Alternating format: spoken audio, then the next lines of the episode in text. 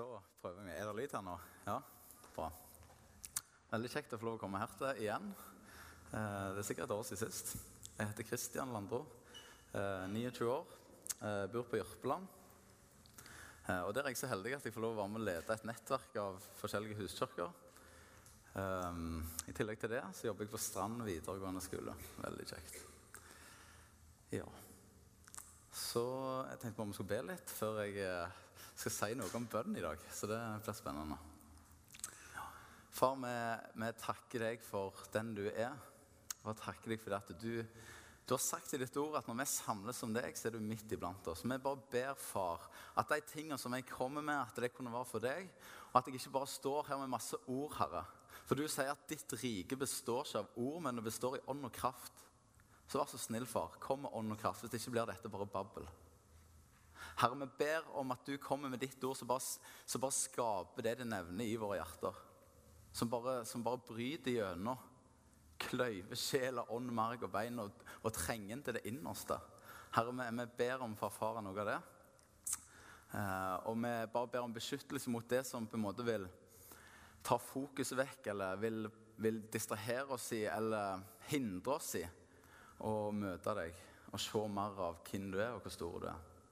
Beskytt oss imot det. Det ber vi om i ditt navn. Amen. Eh, jeg skal lese eh, søndagens tekst eh, som, som vi skal tale ut ifra, som står i Matteus 27 til, eh, til 11. Til og med 11. Der står det Be, så skal dere få. Leid, så skal dere finne. Bank på, og det skal lukkes opp for dere. For den som ber, han får. Den som leter, han finner. Og den som banker på, skal det lukkes opp for. Eller hvem av dere vil gi sønnen sin en stein når han ber om et brød? Eller gi han eh, Eller gi han en orm når han ber om en fisk? Når sjøl dere som er onde, vet å gi ungene deres gode gaver, hvor mye mer skal ikke da deres far i himmelen gi gode gaver til hver den som ber han?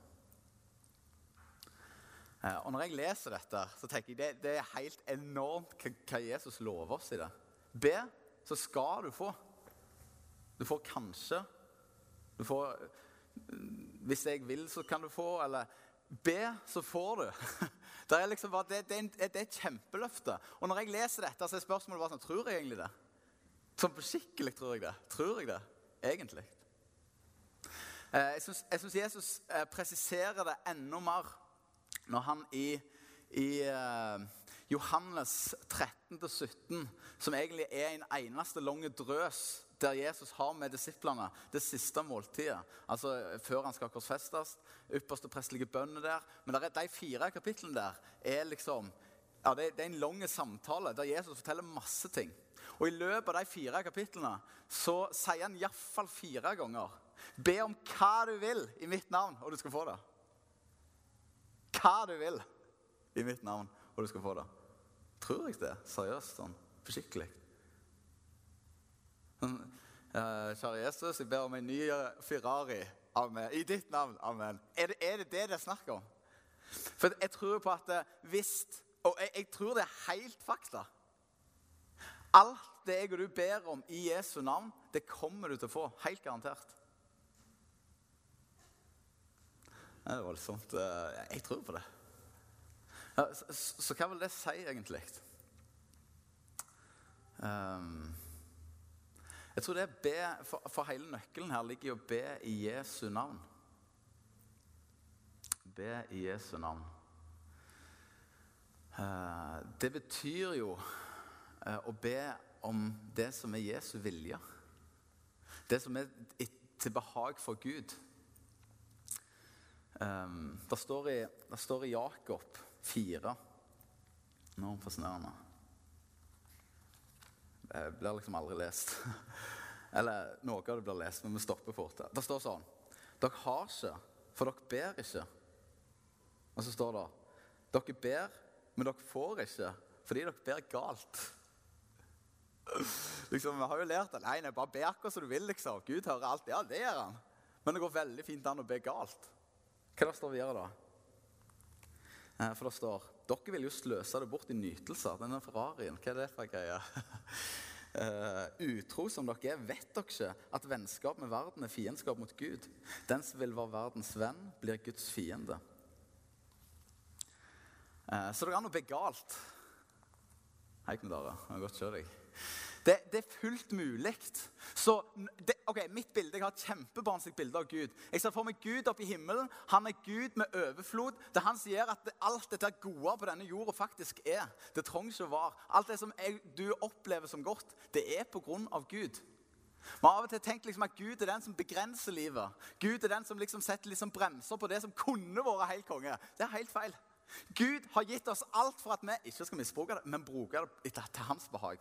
Så så på en måte, Jeg ser for meg Gud oppe i himmelen som er en sånn der Jeg har bare så enormt lyst til å ause ut av hans rike, av det som er til behag for ham, av det som er godt for oss, som vi ikke forstår, men som han forstår. Er du med? Så akkurat som han, han står klar jeg for han står klar med bytta, er du med? Så i det når jeg ber, toucher borti noe av det som er til Guds behag, så er det sånn Der var det! Så heiv han. Er du med? Fordi Gud vil dette. Men han vil ikke bare tvinge ting på oss. Akkurat som han heller ikke vil tvinge dette nye livet på oss, eller hans sønn på oss. Nei, Han har sagt det første og største budet at du skal elske meg. Det er hele poenget. Han, og dette er jo helt nydelig. Han har gitt oss muligheten til å ikke velge han. Han kunne lagd meg som en robot som bare automatisk velter han. Men han har gitt meg mulighet til å ikke gjøre det. sant? Det betyr òg, når han sier i Lukas 10, så sier han sånn som dette Folkens, høsten er stor, sier han og arbeiderne få skivesituasjon. Det er på en måte, det kan vi se. Høsten er kjempestore. Og, og arbeiderne får, så sier han, be derfor, sier han. Høstens herre er Gud, som er herre, som er sjef over de som ikke kom til troende. Han er herre over høsten. Om at jeg skal sende ut arbeidere til min høst, sier han. Det er akkurat sånn, ja, men Kan du ikke bare gjøre det? Hvis jeg skal lede et menneske til, til tro, så vet jeg den ene tingen. Det må et mirakel fra himmelen til. For det må fødes et nytt liv. Er du med? Så jeg kan ikke gjøre dette. Jeg kan ikke forandre noen. Jeg kan ingenting. Jeg vet ikke hvem det er. jeg vet ikke hvem det skal gå. Er du med? Gud må vise hvem det er. Gud må gjøre det. Hele greien er fra Gud. Hva er det han har bedt meg om? Kan du ikke bare be meg om å gjøre det? For jeg trenger, trenger meg ikke på. Kan ikke du bare være så snill og be om at jeg skal få lov å gjøre det jeg har lyst til å gjøre?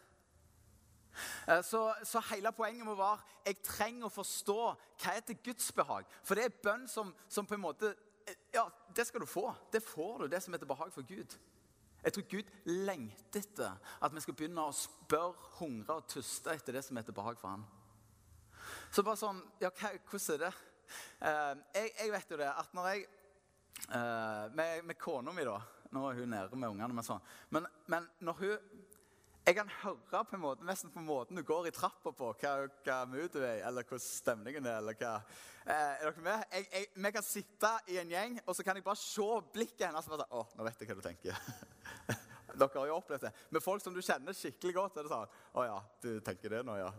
For det, det er akkurat som du bare, Når du blir kjent med noen, så bare forstår du ja, nå, vil, nå tenker hun det, eller nå vil hun det. Er dere enige i dette? Ja? Eh, sånn er det med Gud. Derfor et av, et av mitt, mitt, største problem er at jeg ikke kjenner Jesus. Jeg kjenner han gjerne lite grann, men jeg trenger å bli kjent med han mye mer. Hvorfor? For jeg trenger å forstå Jesus, hva er det ditt behag? Hvordan tenker du her? Hva er Guds rike tanker her? Når du kommer i en situasjon så ja, vet du hva, Her ville vært typisk Jesus og gjort sånn som dette. Hvordan vet du det? Jo, for jeg kjenner han. Er du med? Når jeg blir kjent med Jesus, så forstår du mer ja, hva er Guds rike tanker. Hva ville vært typisk Jesus i denne situasjonen? Ja. Sånn at uh, det, hele, det, det, må være noe av, av, av, hungeren og lengten vår etter å erfare mer av bønnens kraft. For det er kraft i bønn. Det forandrer bare Uh, ja, det, du, du, du, spør på en måte han som, han som, har all makt i himmel og på jord, han som gjør at folk puster, han som gjør at sola sto opp i dag, han som gjør at fotosyntesen fungerer, han som gjør at du er. Han spør du. Så det er på en måte enorm kraft i dette. Um, så da, da, tenker jeg sånn åh, ja, Hva er Guds vilje, da? Hvordan kan jeg be sånn som Jesus ville bedt?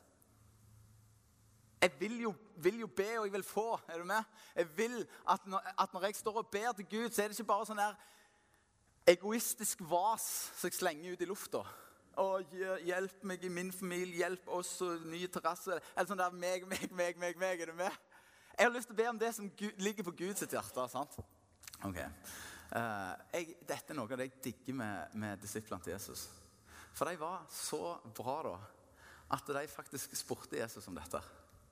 For at eh, Jesus uh, han underviser disiplene sine i bergpreken. Og så eh, sier de du, disiplene til Johannes, døperen Johannes, de, han liksom lærer de å be. Kan ikke du lære oss å be? Og jeg tenker det er jo konge. Jo, og før Jesus på en måte sa han, jo, jeg skal lære dere å be. Før han sier det, så vil han bare presisere en ting. Eh, nå når jeg lærer dere å be, så når dere skal be, så ikke, ikke vær sånn som hedningene. Hva mener du det? Jo, sånn som hedningene som bare sier en masse ord og ramser opp bønner. Er du med? Ikke, ikke vær sånn. Men sånn som dette skal dere be, sier han. Og så lærer han oss den eneste bønna som jeg ramser opp. Fader vår. Sånn helt seriøst på skikkelig. Nå skal ikke jeg anklage dere, men jeg kan anklage meg sjøl. Liksom, hvor mye jeg egentlig satt jeg og tenkte på det der greiene når vi ba Fader vår her? Sånn helt seriøst. Det, det er den bønnen jeg ber mest, der jeg bare sånn Fader vår, du som er i himmelen, snipp, snapp, snute, du er ute. Det er som er regla, liksom. Jeg kan den utenat. Og dette er noe av det som frustrerer meg. Jeg har vært med mange år i konfirmantarbeid. Der jeg opplever at det er viktigere for, for dem at de skal liksom lære Fader vår enn å lære å be. Det er viktigere å lære trosbekjenning enn å lære tro. Hva er det liksom vi gjort Herrens bønn til? Hva vi har gjort den bønnen Jesus har lært oss å be til? Så advarer han rett før bare sånn Ikke la dette bli en sånn ting som du bare ramser opp. Altså, det er akkurat det vi har gjort. Det. Er ikke det snodig? Så hva er det han mener med Fader vår? Er det bare en sånn formel som jeg sier langt ifra? Det er noe i denne bønnen som er alt det, det er til behag for Gud. Så hva er det egentlig som er der? Jeg skal dele det opp i, i seks ulike punkt eller uh, ting å be om som jeg tror er til behag for Gud fordi Jesus har lært oss på denne måten å be. Og det er ikke bare å ramse det opp, men det er å be de tinga. Så han begynner med å si Vår Far i himmelen, la ditt navn holdes hellig. Eh, som betyr eh, Jesus, kan du hjelpe meg å helligholde ditt navn som far i livet mitt? Det er ikke først og fremst en bønn om å hjelpe meg så jeg ikke banner så mye. Eller liksom misbruke navnet. Det er ikke først og fremst det. Men greia er den at, at, at Jesus på korset åpna jo opp denne relasjonen som gjorde det mulig for meg å bli sønn av Gud. Som gjorde det mulig å bli hans, eh, hans barn. da. Sånn at det jeg ber om, er uh, God far, jeg ber om at vår relasjon, at du skal bli mer far i livet mitt. At jeg skal helligholde, ikke skitne til den relasjonen. For det er 10 000 ting som vil skitne til min relasjon til far. Og vet du, alt jeg og du vil, alt det Gud vil gi oss, det skjer i denne relasjonen. Far-sønn. Og, og, Jesus gjør dette helt sånn, han, går vel, han bruker masse tid i lag med far. Og han roper på far. Han, han bruker Abba-far, som betyr pappa. Det, som, det er nærmere. Far er jo veldig sånn formelt. Når vi får brev om sønnen vår fra barnehagen, så er jeg sønnens far. Det står aldri pappa der. Men pappa er litt nærmere. Er dere enige i det? Selv om jeg mener det er løgn når voksne folk sier pappa. Det, det er unger er greit, liksom, med voksne folk. Så jeg, det er jeg vant til å si far, da. Men eh, jeg tror på det. Og jeg utfordrer veldig mange, spesielt av disse tenåringene hos oss. Hvis du sier pappa til, til faren så når du ber til far, til, far, til, til Gud, så bare be til pappa, da. Det er helt nydelig å høre på. Ber de til pappa. 'Pappa, hjelp meg med dette.' Eller 'Pappa, med Og jeg bare Yes! Det nærme. Eh, når jeg skal be om at Gud skal helligholde hans navn som far skal bli helligholdt, så betyr det at, at denne relasjonen må jeg ta vare på. Eller sånn, hjelp meg å la dette bli det jeg ikke vil eh, forsømme. Det jeg ikke vil skitne til, men helligholde det. Ha det dyrebart. Er du med? Um, for det er dette som er hele livet. Vi har av og til en tendens til å gjøre på en måte livet med Gud til noe annet enn en, enn en sånn intim relasjon til Gud far den allmektige. Jo, vi gjør det til et eller annet sånn der, Jeg kan en formel, en teologisk greie om at Jesus dør for min eller Sånn, det blir bare helt sånn på bokstaven. Er du med? Bare noen ord. Og så er det mye nærmere enn det. Det er, noe annet, det er en relasjon som er åpna. Eh, mens vi har gjort det til, en, til, en, til et system veldig ofte. Eh, hvis jeg spør deg nå Hvorfor tror du på Jesus? Så kan du tenke inn i hodet ditt, skal du prøve å svare på det. Ikke sånn hva, hvordan skjedde det, sånn, men sånn, hva er motivasjonen din? Hvorfor i all verden tror du på Jesus? Sånn ned til beina. Er dere med på hva jeg mener? Helt ned til hvorfor i all verden tror du på Jesus? Kan du tenke litt på det? Å, jeg ser dere tenker. Det var så det svir her. Det er bra. Eh, og eh, den vanligste svaret jeg får på det spørsmålet, vet du hva det er? Jo, jeg tror på Jesus fordi at jeg vil til himmelen, ikke til helvete. Eh, det var ikke det Jesus hadde tenkt. Først og fremst. Dette høres litt løye ut, men jeg skal forklare, for dette er dritviktig. Jesus hadde ikke tenkt å åpne opp og dø på et kors og gjøre det mulig for meg å være med Gud for at jeg skulle til himmelen bare. Men det var først og fremst for at jeg skulle få muligheten til å komme nærme Gud. Himmelen er en konsekvens av det. Hva er helvete? Vi vet jo så enormt mye om helvete, men vi vet at Gud er ikke der. Det er jo det som er forferdelig med helvete. Hva er det som er så bra med himmelen? Mange har mye sånn løgne bilder av himmelen. Jeg har hørt mye. ja, Der skal vi liksom stå på slalåm i softis og bare ete snop. og der Er det, er du med? Vi liksom lager et bilde som er sånn sinnssykt luksuriøst jordeliv. Forstår dere? Det står ikke så enormt mye om hvordan det skal bli i himmelen. Men det står én ting som på en måte er gjennomgangs. Det er at vi skal prise Jesus. Og det blir jo konge. Eller gjør det det? Hvordan blir det egentlig? Ole Hallesby sier hvis du ikke, hvis du ikke trives sammen med Gud her på jord, så kommer du aldri til å gjøre det i himmelen heller, eller med hans folk. Eh, det bare akkurat som, Hva er det bare gjort dette til? Det er akkurat som Jesus på korset har blitt et minste onde for at jeg i hvert fall kan komme inn der. Jeg, hadde en kollega som sa at eh, hadde det ikke vært for at jeg visste at helvete fantes, så hadde jeg ikke trodd på Jesus. Jeg bare sånn, Halle mann, du må jo treffe Jesus.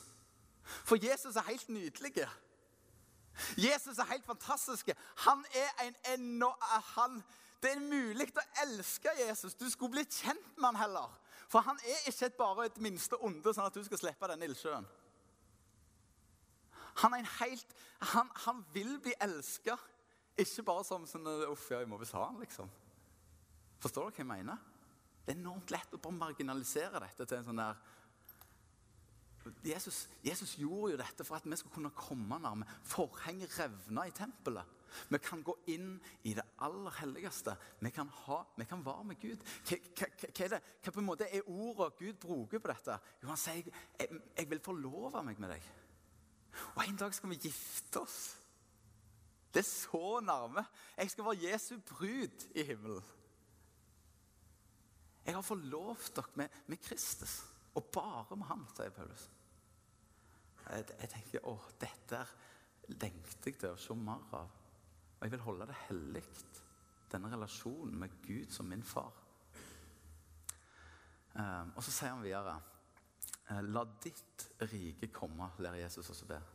La din vilje skje i himmelen, så òg på jorda. Um, la ditt rike komme, Guds rike, la Guds rike komme. Hva er det vi ber om? Guds rike, Det greske ordet som er brukt i Nytestamentet for Guds rike, er et ord som heter basileia. Som Guds rike. Det er oversatt til Guds rike, men hvis jeg, hvis jeg skulle oversatt det sjøl Jeg kan jo ikke gresk, da, men jeg vet at det ordet det betyr Eller det betyr jo Guds rike, men Guds rike høres enormt passivt ut for oss. Eh, for det betyr like mye Guds herredømme. Forstår dere? Guds regjering. Altså, Du har Haraldriket Norge. Er du med? Kongeriket Norge. Som på en måte regjeringa har herredømme. Så når vi ber om Når kongeriket Norge kommer, når det utvider seg, så får, får, Harald, Harald han får mer å bestemme på. Når vi tar Sverige, så utvides grensene for Haraldriket. Liksom, da bestemmer han der òg. Sånn er det når Guds rike kommer. Han, akkurat som vi ber om Gud, begynn å regjere. Ta herredømme. Bli sjef. Begynn. Kom. Det er akkurat som ta, vi tar, løfter ned de tingene som er i himmelen, og så tar vi dem ned på jorda. Ta, la det som er sant der oppe, bli sant her nå. Og Av og til så har jeg et enkelt bilde av ja, men Lurer på hvordan det kan være i himmelen kontra denne situasjonen. her. Hvordan ser det ut at Guds rike kommer? Er det mobbing i Guds rike? Nei. Nei. Det er det faktisk ikke. Så jeg vet at når jeg kan være årsak til at det blir mindre mobbing, da kommer Guds rike. Jeg henter ned noe av det som er der oppe, ned her. Er det sykdom i Guds rike? Nei. Ja, så når, når, når, vi, når, folk blir friske, om det skjer med leger eller med, med et mirakel, sånn, med, med bønn og sånn Jeg tror Gud helbreder på alle slags måter, men jeg vet at Guds rike kommer jo, da. Um, så jeg mener akkurat som, som det er vi er blitt representanter for dette riket. Vi ber om Jesus, kan du begynne å regjere som konge i mitt liv og rundt meg? La ditt rike komme. Begynn å ta herredømme, Jesus. Det er det bønnen handler om. Um, Sannheten er at jeg og du er ambassadører for dette riket. Det kan skje. Og Vi trenger bare å lufte opp øynene våre for dette. Det kan skje. Det er akkurat som uh, uh, ja, Det står at Kristus i deg er håp om herlighet. Du er denne ambassadøren. Um, Ja, eh, jeg, hadde, jeg har en kompis. Syns det var veldig festlig. En kompis. Eh, du vet, du vet, Når du kommer fra veldig sånn små plasser, så til mindre plassen er, til mer heimkjær og liksom sånn der dette er meg, eller Du blir veldig sånn patriotiske. Er du, er du med på det? Uh, utenom Karmøy, da. Det er jo en relativt stor plass der det bare de, de er i en annen liga. Men vanlige folk, da. sant? Som til, måte, til mindre plassene, til, til mer patriotiske blir du. Heimkjær og heimføing. Uh, og så har jeg en kamerat som kom ifra Maudal. Er noen som vet hvor det er? Langt oppi opp mot Hundadalen. Vet dere hvor det er? Nikk hvis dere vet hvor det er. Ja, så bra. Eh, og uh, han er veldig sånn Yes, Maudal, og jeg er Maudalbu. Og sånn så, så fant jeg seg ei kone.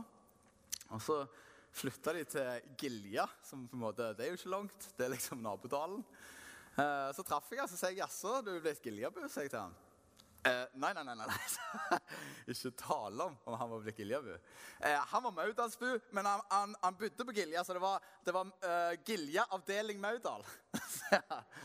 ok, løyde. Og så traff jeg han to år seinere, da hadde han flytta til Frafjord. For hun kom derifra. Og det er jo heller ikke langt. Det er jo bare en tunnel, liksom. sant? Et par kilometer. Så jeg til han eh, Jaså, ja. Du er blitt Frafjordbu? Og bare sånn Nei, nei, du har ikke fatta det.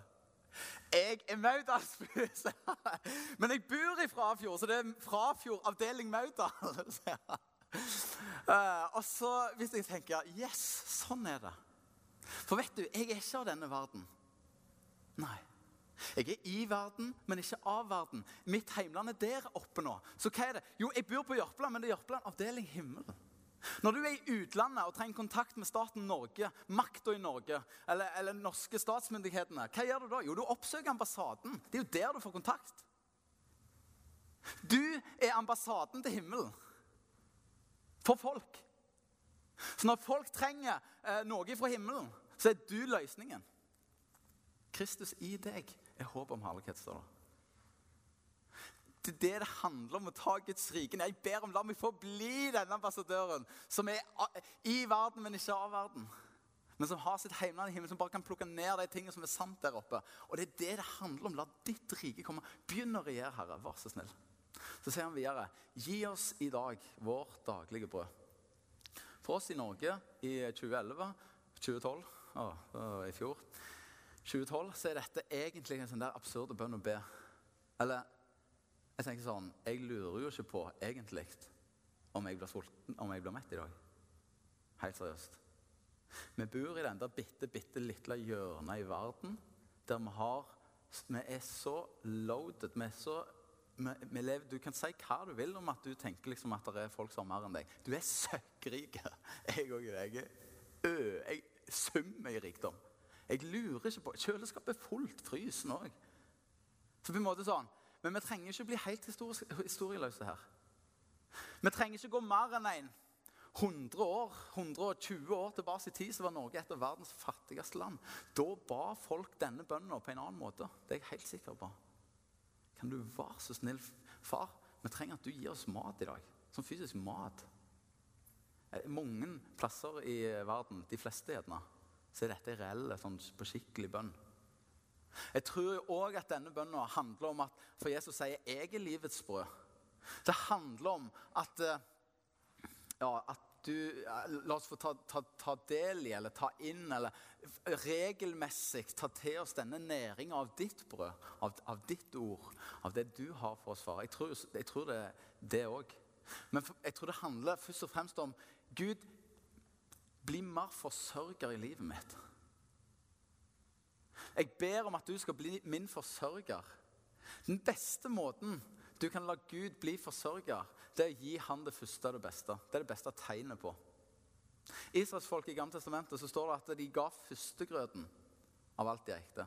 Den første kalven som kua fikk, ofra de til Gud. Uten at de visste hvor mange kalver den kua kom til å få. Uten at de visste hvordan blir neste avling egentlig. Det hadde vært mye bedre å ta sistegrøten.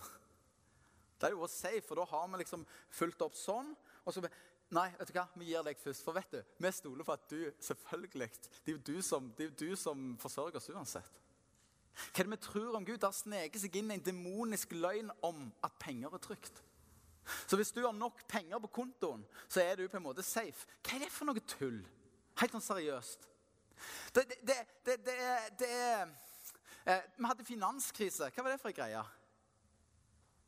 Var det sånn at det plutselig gikk det så veldig dårlig her i verden? Nei. Det var ei boble som sprakk. Og hvor sprekker ei sånn boble? Og Bobla som sprakk, handler om at det kom til et punkt der folk ikke trodde på dette lenger. Vet du, Gud klarer seg kjempegodt uten at du tror på ham. Men penger klarer seg ikke godt uten at, du, uten at vi tror på det. Børsen er jo en av verdens mest nervøse institusjoner. Jeg tenker sånn, Uh, vi lærte jo på barneskolen da, Under krigen, når det gikk inflasjon i penger, så så vi bilder av folk som gikk med hele trillebårer med penger for de skulle kjøpe et brød. Er du med? Plutselig så var masse penger verdt ingenting. Hva er det vi tror om penger? Jeg vet det at Hvis Gud vil gjøre meg til mange millioner nå, så gjør han det. Hvis han vil gjøre meg bank i råten nå, så gjør han det òg. Det er pga. Gud at jeg puster nå. Forstår dere dette? Hvorfor klarer ikke jeg å zoome ut og forstå at selvfølgelig er det Gud som er verdt å stole på? Selvfølgelig kan jeg gi førstegrøten til Gud, så får vi se om han forsørger meg. Selvfølgelig kan jeg det, For han er Gud. Hva var det vi leste her? Om dere som er onde, vet å gi dere unger gode gaver. Hvor mye mer skal ikke jeg, sier han. Hva dere tenker om meg? Han sammenligner det med Se på gresset, sier han. Seriøst, dumme gresset. Jeg lar til og med det gro. Det som i dag gror opp og i morgen blir hevende i jorden. Mye skal ikke jeg da ta meg av dere? Hva dere tenker om meg, sier Gud. Og For meg er det en sånn kjempeoppvekker. Hvordan i all verden, hvor smått er det mulig å liksom marginalisere Gud? En sånn der, ja, men Det hadde vært best hvis jeg hadde liksom 200 000 for det. Vi trenger bare å avsløre det som er løgn, for det er løgn. Eh, for meg er dette en sånn, eh, for det, det som skjer når vi har mye, er jo ikke at vi lurer på om vi, om vi har nok plent, men vi går rundt og bekymrer oss for all slags mulig vas. Og hva skal jeg ha på meg, og det gjør sånn, og hvordan skal dette gå? Jeg skal, eh, mest bekymringsløse folka jeg har møtt, de møtte jeg i Tanzania. De hadde jo ingenting. Husker den ene jeg traff. Han hadde seks unger, og han var ute som han var så frivillig evangelist. Eh, og jeg husker ennå liksom sånn Ja, hvor er ungene dine, da? Nei, de er hjemme. Det er liksom tre dager å gå. Ja vel, eh, hvem tar vare på deg? Nei, kona, liksom. Ja, jobber hun, eller hva? Nei, hvordan står det, liksom? Nei, det var jo uansvarlig av deg, sier jeg. Du er far til seks stykker. Hva er det går i, liksom? Du må, du må jo forsørge dem. Uh, hæ? sier han. ja, ja, men tror ikke du på Gud, sa han. Jeg bare Hei, ja, og så? ja, men tror, tror, ikke du eh, Gud er jo ikke bare en sånn der tanke om at han forsørger familien min hver dag. For deg er dette en realitet. Uh, jeg var så bekymringsløs de folka der nede. Er det mulig? Så er det meg rundt og bekymre oss? For meg er dette en bønn om Jesus hjelp meg å hive alle bekymringene på deg. Bare søke deg først, så kommer sikkert de andre tingene til deg. Bli forsørger. Gi oss hver dag. Bare hjelp meg å ikke bekymre meg. Forsørg meg, Herre. Hjelp meg å hive alt på deg. Så sier han videre eh, Og forlat oss vår skyld, som vi òg forlater våre skyldnere. Um, og rett etter han er ferdig med denne bønna, så er det sånn Jeg skal bare presisere en ting, sier Jesus. Bare ta opp igjen tråden. Og Da kunne jeg jo tatt opp igjen tråden på mange viktige ting. tenker jeg. Han kunne jo nevnt det, liksom, at det var, Og bare husk, hold navnet mitt hellig. liksom. Eller og, og og bare, Ikke glem det der med liksom, at, å, å, be om at mitt rike skal komme. At jeg skal ta herredømme. Han men vet du hva han presiserer? Jeg har lyst til å gjenta. du skal sjøl bli tilgitt på samme måte som du tilgir. Bare sånn. Og For meg er dette en bønn om Jesus, la meg få lov til å leve i din nåde og tilgivelse.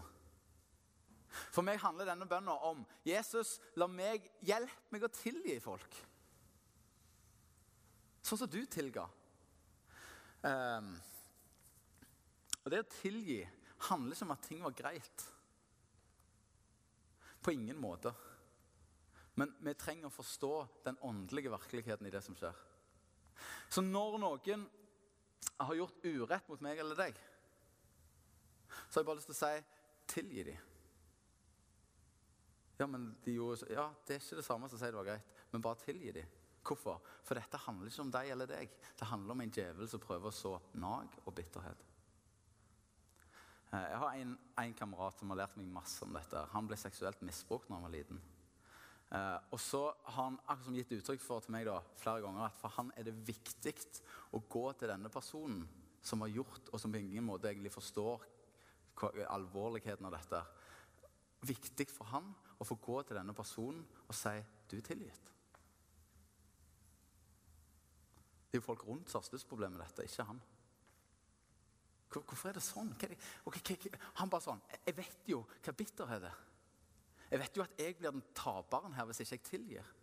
For djevelen er ute etter Er det noe vondt, så vil han gjøre det verre. Er du med? Og Det er jo ikke for å si at noe som helst, men det er bare for å lufte. Vi har, en, vi har ikke en krig mot kjøtt og blod, men mot åndsmakter eh, i, i, i himmelrommet. Det er ikke folk som er problemet hvis du føler det er noen som har gjort noe imot deg. Det er djevelen. Alltid. Og du trenger ikke tro at det er den personen som er en djevel. Liksom. Det er ikke det jeg prøver å si. Jeg, jeg, har blitt, eh, jeg vet hvor enormt eh, tilgjengelig jeg er for bitterheten òg. Eh, og jeg har blitt kjørt Jeg er så enormt glad for en del veiledere som jeg har fått i livet mitt. For de har vært så knallharde med meg når det har skjedd urettferdige ting. Folk har oppført seg dårlig, alt dette her. Så er det bare sånn Kristian, du må tilgi dem. Hvorfor det? Jo, for det er ikke de som er problemet. Det er djevelen som prøver å forvrenge dette. Du har ikke en kamp mot noen som helst. Vet du hva? I kristne menigheter og organisasjoner vi har en sånn her ekstremt dårlig kultur for å snakke om andre. Og for å lage sånn her greier. Hva er det for en greie? Ja, vi må jo få lov å omtale. Det er synd. Det er baktale, så det fører til bitterhet og nag. Og for meg er det bare så jeg, er så jeg er så glad for at jeg fikk lov til å gå til personer og si jeg, jeg trenger å be om tilgivelse for dette. For for meg er dette en like stor bønn om Jesus hjelp meg å se hvem er det jeg trenger å gå og be om tilgivelse for. Jesus sier det så tydelig at hvis du har noe uoppgjort med noen, så trenger du ikke søke meg.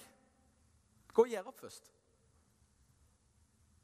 Ikke, ikke, ikke, prøv deg på liksom Jo, jeg liksom, så går du jeg, jeg, har jo tenkt sånn, for jeg har hatt noen personer som jeg bare sånn Å, håper ikke den kommer. Folk har sagt ja, det har vært mye. sant? Så bare Uff, det blir så Jeg snakker ikke med han. Er du med? Jeg, jeg har hatt sånn. Plutselig gikk det opp for meg. Lurer på hvordan det blir i himmelen. Skal jeg gå rundt og gjemme meg der, eller? Jeg gjør jo ikke det. Jeg gjør jo ikke det. Du må gjøre på denne sida. Jeg holder igjen tilgivelse hvis ikke jeg tilgir. Det er ganske alvorlig. det. Jeg kan holde det igjen. Jeg tror bare dette er, dette er en nøkkel for å se både at fellesskap blomstrer, og at, at nag, eller djevelen slipper tak i ting i livet vårt. Vet du hva Det verste jeg møter, det er folk som liksom har passert 50-60 år, som har vært bitre en stund. Seriøst. Det er bare, Du lukter det lang vei. Dette er ikke kjekt, altså. Hvorfor er det bare sånn oppgulp som kommer? Er du med? Jeg skyr unna. Jeg vil ikke bli smitta av epidemien. Helt seriøst. Bitre folk, altså. Men begynner å gjøre opp. Jesus er kjempetydelig på dette, men det er jo ekstremt ydmykende. Du vet, Noen ganger når, når noen har gjort noe galt mot meg, så, som er helt sånn åpen, åpenbart eller har såra meg, er du med? Eh, så vet jeg at som regel så har jeg baktalt dem. Da vet jeg, oh, da har jeg én ting. Da har jeg én ting som jeg kan be om tilgivelse for. Og da kan jeg få lov å komme inn med tilgivelse i relasjonen. Det er ikke mitt poeng at han skal ja, jeg også er lei meg. Det er ikke poenget. Og det, jeg kan ikke kreve at han tilgir meg at jeg baksnakket han. Det er ikke poenget. Jeg vil bare ta tilgivelse inn i relasjonen. Og vet du For dette er dritskummelt. Jeg har gjort det med mange som jeg har hatt, hatt uh, ikke en god relasjon med. Um, og, og uh, min erfaring er at det, det, det er blitt enormt bra. Det er akkurat som du til og med kan begynne å bli glad i disse folka. Det er jo helt nydelig. Det, det kommer noe annet inn. Ja. Eh, når Jesus, eh, I Nytestamentet så står det om tilgivelse jeg tror det er rundt ca. 30 ganger. Og det er bare fire-fem av de gangene det er snakk om Guds tilgivelse til oss. Jesus er kjempe, og, det er jo utgangspunktet for at jeg kan tilgi av nåde. Eh, men han, han, akkurat som han bare sånn tilgir hverandre. Hverandre. Og her jeg bare si det da, For du kommer til å ha 10 000 argumenter for å ikke gjøre det. Det er en kultur som må brytes. Så bare gjør det. Når det er kultur for noe, og du egentlig bør gjøre noe annet, så kommer det til å være så mange grunner for å ikke gjøre det. Kultur er kjempevanskelig å endre. Og kulturen i Bedehus-Norge er sånn at vi, vi gjør ikke det. Jeg snakket med en gammel fyr som sa det at eh, ofte når de fleste vekkelsene starta med at det begynte å skje sånne forsonende til tilgivende ting i bygdene og i byene. Interessant. Gud begynner for å røre, liksom. Gud begynner å komme inn med sine ting. Hans våpen. Ok, Så sier han videre Led oss ikke inn i fristelse. Uh, og det er for meg en bønn om Jesus, led meg på din vei. Led meg der du vil jeg skal gå. I Jesajas 30, 20 og 21 så står det at um, det er som en stemme som kviskrer 'ta til høyre, ta til venstre'. Sånn kan vi be Gud. Gud, i dag, let meg inn i de samtalene du vil jeg skal ha i dag. Let tunga mi, sånn at jeg snakker rent til folk. Led hodet mitt, led føttene mine til der jeg skal gå. Jesus, led meg i dag, hver dag, til det som du har for denne dagen. Og vet du, Det er så enormt mye mer spennende å leve sånn enn liksom sånn Ja, i dag skal jeg på skolen, skal jeg bli elever og og Blir sikkert litt sånn og sjekke ditt og datt og de vanlige tingene. Bare sånn Å, Jesus, hva er det du skal, hva skal lede meg i dag? Bare led meg. Og gi meg, gi, gjør meg sensitiv overfor deg og ditt ord i dag. Hjelp meg bare ta det med inn i de tingene som du har for denne dagen. For Jesus har jo det for hver dag. Helt garantert. Um, så, og uh, en av de, aha-opplevelsene mine i dette har vært at Jeg husker vi skulle be for en fyr eh, som lurte på liksom, ja, skal jeg studere, skal jeg militere, skal jeg være ferdig med læretida. Så liksom, kan dere be for meg? Og så ber vi om at Gud skal åpne og lukke dører. Det er vanlig, og det tror jeg på han gjør. Eh, men mange ganger så tror jeg det handler om altså sånn, Hvis jeg kom inn på skolen, så åpna Gud den døra. Hvis jeg ikke kom inn, så stengte han ut. Det handler ikke om mine karakterer. liksom, at jeg har drevet i skolen. Det, jeg tror, jeg, men jeg tror at Gud gjør det. Han kan åpne opp ting og lukke ting. Men akkurat som når vi sitter og ber deg, Jesus, vis oss veien. Kan du være så snill å vise denne gutten veien? Hvor er det du vil at han skal gå? Så akkurat som når vi ber der, så akkurat som vi bare ser liksom røde varsellamper, der Jesus bare sånn verset fra Johannes 14. Jeg er veien. Hei, hei. Du, ikke bare tenk at jeg er den som Jeg er bare pekeren. Der kan du gå. liksom. Det er ikke, det er ikke det, meg. Bare kom til meg, vær med meg, søk meg, bli ikke meg. Det er jeg som er veien. Jeg er ikke bare den som viser veien. Jeg er veien. Så Det betyr mer enn at han står på sida og så bare Ja, du kan gå der nå. Så er han den. Nei, kom til meg. Gå et, bare rett bak her. Bare følg meg. Gå bak her. Jeg er veien. Gå, gå retning meg. Søk meg. Bli som meg. Det er den beste måten hvis du lurer på hvor veien går. Jesus er veien. Gå etter han. Ikke vent at han skal bare peke på et eller annet. Søk han, var ikke han, blir ikke han. Gå der han går.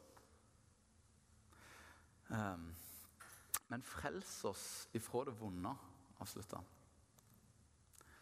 Eh, jeg tror, tror, det handler om at vi trenger å åpne opp øynene for den åndelige virkeligheten som faktisk fins. At det er kamper mi og de sjøl. Og, og at jeg og du i det vi trenger å be om Guds beskyttelse. Det er demoniske krefter som jobber på spreng. De har veldig dårlig sånn, eh, De har egentlig ikke på en måte makt lenger. Er du med? Men hovedsaken i disse demoniske kreftene, visste du det? Når Jesus døde på korset, så avvæpna han makter og myndigheter. Han viste de åpenlyste skammen, når han viste seg som seiersherre. Hva betyr det? Det betyr at ifra korsets dag og til Jesus kom igjen, så er djevelen avvæpna, og hans vandring i denne tida er en eneste store retrett. Retrett til helvete. Han skal til helvete, og han har tenkt å få med seg så mange han kan til, på den ferden der. Er du med? Men hans, hans på en måte, Vi tror jo ja, du vet, djevelen han, han, han, styrer på i Norge. Han, han har mye makt og får mye tak i Norge. Vet du hva, Han har ikke makt. Fatter du det? det? Vet du hva det står? eneste han kan gjøre, det er å få meg og deg til å tenke feil. Bare tenk over det sånn. Kan djevelen gjøre deg noe, egentlig? Helt sånn beskikkelig? Nei. Han kan få deg, han kan få deg til å tenke løgn. Han er kjempeflink til det. Hva Bibelen kaller det for? Kaller det for festningsverk. Festningsverk er ikke angrep. Det er, Ser dere for dere når, eh, når noen har vunnet en krig? Eh, to hærer Dette er jo sånn i gamle dager. I dag er det jo sånn uh, knapper de trykker på. Men før i tida, når de kriga med hest og kjerre si. Så når noen da vant krigen, så, så uh, jakte de de andre. Sånn liksom.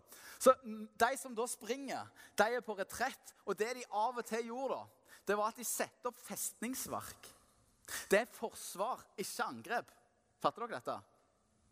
Det er noe du gjør når du er på retrett, noe du gjør når du har tapt, for at tapet skal bli minst mulig. Djevelen vet bedre enn oss at han har tapt. Fakta. Så det Han kan gjøre, han kan sette opp festningsverk. Hva er det, står det i Korinterne? Jo, det er tankebygninger som, som bygger seg opp mot kunnskapen om Gud. Ok, Eh, det betyr at han har ingen makt i livet ditt. Han er avvæpna. Men han prøver å tenke. Han er kjempeflink til å lage festningsverk. I Norge for bare 50 år siden Nå skal jeg ta et sånn typisk festningsverk. For han endrer hele tankemønsteret vårt. Og det sniker seg inn i mitt og ditt hode òg. For 50 år siden, hvis du sa vet du hva? Det å ta livet av en liten baby inn i magen til mor, det er helt forkastelig. Hvis du hadde sagt det for 50 år siden, så ville de fleste sagt ja, selvfølgelig er det det. Vi dreper ikke unger. Er du med? I løpet av bare 50 år Hvis jeg sier det samme i dag, så er det sånn Hva er du for slags mørkemann? Svovel. Hva er dette for slags uh, steinaldertenking? Hva er det som har skjedd? Hvis du sa for 50 år siden Vet du hva? Det å leve seksuelt i sammen, det hører til innenfor ekteskapet. Så ville de aller fleste sagt ja, det er jeg, det er jeg enig i. Du trenger ikke være kristen for å forstå at det var lurt å gifte seg. liksom. Forstår dere? Det var helt normalt. Helt normalt, selvfølgelig, men som gjengs, liksom. Si det samme i dag, og du kommer til å bli ledd av. Hva er det som har skjedd på bare 50-60 år? Festningsverk. Det var litt, litt, litt, litt, litt, litt. Plutselig har han endra tankene våre. Så det er det som er problemet. Han kan endre tankene våre. Jeg og du trenger å be om beskyttelse mot det. Jesu blods beskyttelse. Hvorfor? For han har seira over dette. Han har, han, har, han har, knust Satan og djevelens makt. Han har ingenting, han er en pusling. Djevelen er en pusling. Han er smart, men han er en pusling. Han er på vei til helvete. Han, er, han har tapt. trenger bare å be om at vi blir beskyttet mot disse festningsverkene. Og vet du måten du bryter festningsverk på? Det står i samme avsnittet der i, i Korinterbrevet det er lydighet. Det syns jeg er konge. For det, det, når, det kommer sånn festningsverk, tankebygninger jeg sa ett, eh, ett festningsverk til menneskefrykt. Så når Gud minner deg om et eller annet som dette lurte jeg, så er det for, ja, men hva vil folk tenke da, liksom? Han kommer med alle slags tanker som får meg og deg passive. Hvorfor det? For idet jeg og du handler på Guds ord, hva skjer da? Da bygger du livet ditt på fjellgrunn, sier Jesus. Det å høre Guds ord uten å handle på det, det, det går galt. Garantert går det galt. Så det han sier, i lydighet mot Kristus, mot dette ordet Idet jeg og du ikke hører på alle de dårlige unnskyldningene som hele verden skriker etter, så vil djevelen prøve å lure oss med, men bare går på det han har sagt, så akkurat som i lydighet så bryter du disse festningsverkene. Uh, og dette tenker jeg, nå er jeg ferdig, men, men dette er dette er bønn i Jesu navn Å be om disse seks ulike tingene. Å Be om Guds navn, Guds forsørgelse, Guds tilgivelse, Guds ledelse og Guds beskyttelse. Over mitt og ditt liv. Dette er behag for Gud. Det har Guds rike til.